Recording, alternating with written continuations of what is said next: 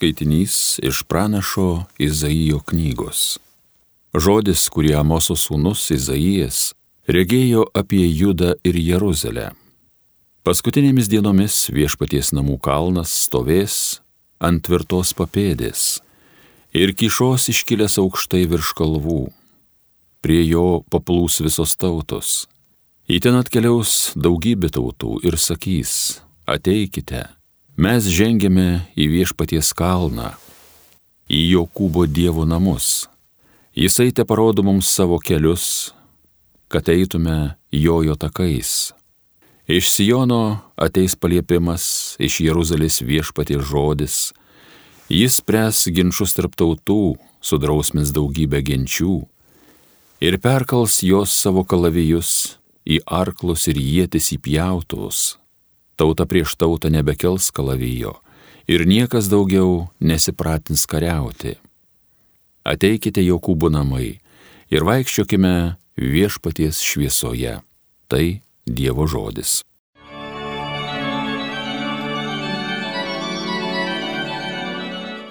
Į viešpaties būstą džiaugsmingai keliaujam.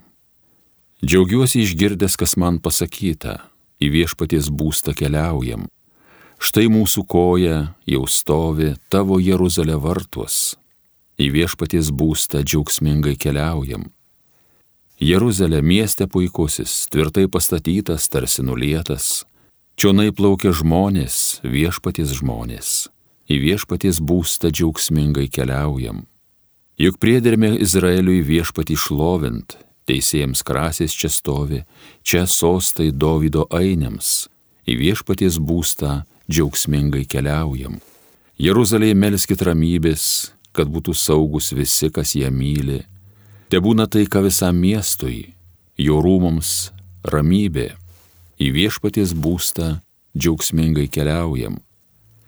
Sakau, tegu klesti ramybė, juk čia mano broliai, bičiuliai, čia mūsų viešpaties Dievo buveinė, meldžiu tau gerovės į viešpaties būstą džiaugsmingai keliaujam. Alleluja, alleluja, alleluja. Viešpatie Dieve, ateik mūsų vaduoti, atgręžk savo veidą ir mes išgelbėti būsim.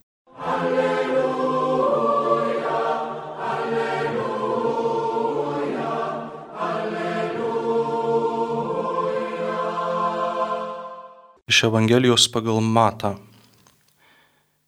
Jėzui sugrįžus į Kafarnaumą, kreipėsi į jį šimtininkas, maldaudamas.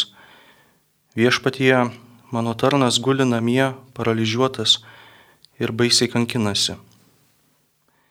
Jėzus jam tarė, einu pagydysiu jį.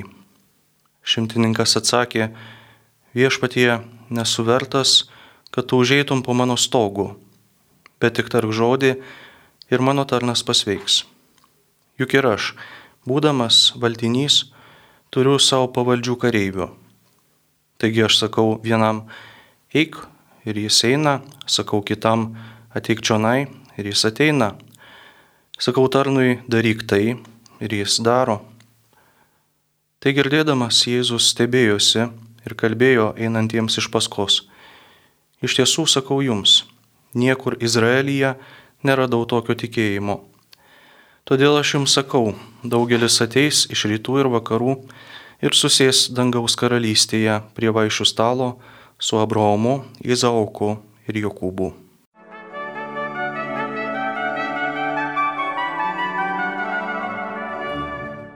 Daugiau informacijos apie šios dienos Evangelijos šimtininką randame Evangelijoje pagal Luką, septintam skyriui, pirmoje dešimtoje eilutėse. Kalbama apie pagonį, kuris simpatizavo žydams ir kuris buvo jiems pastatęs Kafarnaume sinagogą. Bendrai šimtininkas buvo ganėtinai žemas laipsnis romėnų kariuomenėje, nes vadovavo nedideliai karių grupiai - šimtam kareivių. Įdomu yra tai, kad šimtininkai ne visada buvo atvykę iš Italijos. Šis, ko gero, buvo atvykęs iš Sirijos regiono ir todėl gerai kalbėjo palestiniečių kalba, Palestinos kalba. Romėnai nebuvo dideli žydų gerbėjai, nors ir su pasigėrėjimu stebėjo, kaip jie gyvena savo tikėjimą. Jėzaus laikais Romos imperijoje pagonybė, pagoniška religija išgyveno savo saulėlydį ir galbūt dėl to mūsų šimtininkas gerbė žydų papročius ir taipogi draudimą žydams žengti į pagonio namus. Prisiminkime, kad dėl tos pačios priežasties pilotas Jėzaus teismo metu išėjo į pretorijų kalbėti su, su tautos atstovais. Galėtume manyti, kad šimtininkas taip elgėsi dėl politinių priežasčių. Bet bažnyčia, bažnyčios tradicija šiame veiksme išvelgia nuolankumo ženklą. Netgi iki tokio lygio, kad mes kiekvienas prieš priimdami komuniją šventųjų mišių metu ištariame tuos pačius žodžius. Viešpatie nesuvertas, kad ateitum po mano stogu, bet tik tark žodį ir mano siela pasveiks. Šis šimtininko išsireiškimas yra tikrai vertas pasigėrėjimo. Tik tark žodį. Jis jį pateisina palyginimu, kad Kaip jis turi savo valdžioje karius, taip tikriausiai ir Jėzų, Jėzaus valdžioje esama nematomos jėgos, kuri yra jam pavaldi. Nematoma, galėtume sakyti, dvasinė kariuomenė. Visgi nesvarbu, kokios buvo šimtininko kalbėjimo priežastis, nes vis vien tai yra bibliška. Dievas sukūrė pasaulį savo žodžiu ir suteikė žodžio galę kiekvienam, kuriam patikė atlikti Dievo darbus. Senajame testamente tai labiausiai pasireiškė per pranašus. Vienas iš tokių pranašų buvo Jeremijas. Dievas jam sako, šią dieną paskiriu tave tautų ir karalysčių prievaizdu, kad išrautum ir nugriautum, sunaikintum ir nuverstum, atstatytum ir atsodintum. Jeremijo knygos pirma dešimta eilutės. Ir visą tai jis turėjo padaryti žodžiu kaip pranašas. Tai kągi galime pasakyti apie Jėzaus žodžius, to, kuris yra pats įsikūnijęs Dievo žodis. Evangelijoje skaitome, kad dangus ir žemė praeis, bet kiekvienas jo žodis pasiliks. Evangelija pagal Morku, 13 skyrius, 31 eilutės. O kaip yra šiandien?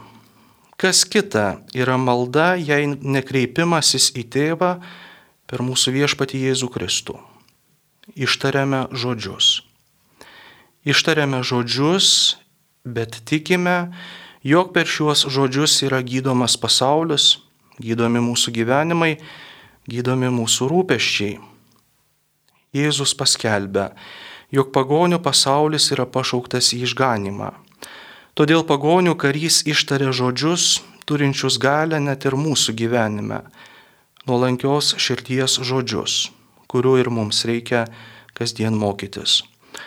Pagoniškos religijos saulėlydis sužadino žmonėse didžiulį tuštumos jausmą, kuris tapo žeme Evangelijos sėklai. Būtent tai ir matome šios dienos Evangelijoje.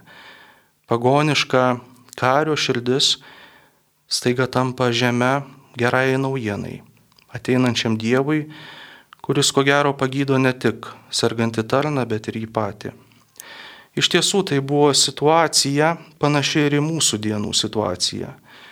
Net ir mūsų pasaulis su savo kultūra, su savo paviršutiniškumu, savo bėgimu nuo Dievo sukuria žmonių širdyse tuštumą, dvasios tuštumą, idealų tuštumą, grožio tuštumą. Kurie tai suvokia ir atveria širdis, atveria nuolankiai ir su dvasios troškuliu yra pasiruošę išgirsti dangaus karalystės žinę ir Evangelijos žodį, kuris gydo ir gražina gyvenimą, pagydo gyvenimo beskonybę ir tuštumą.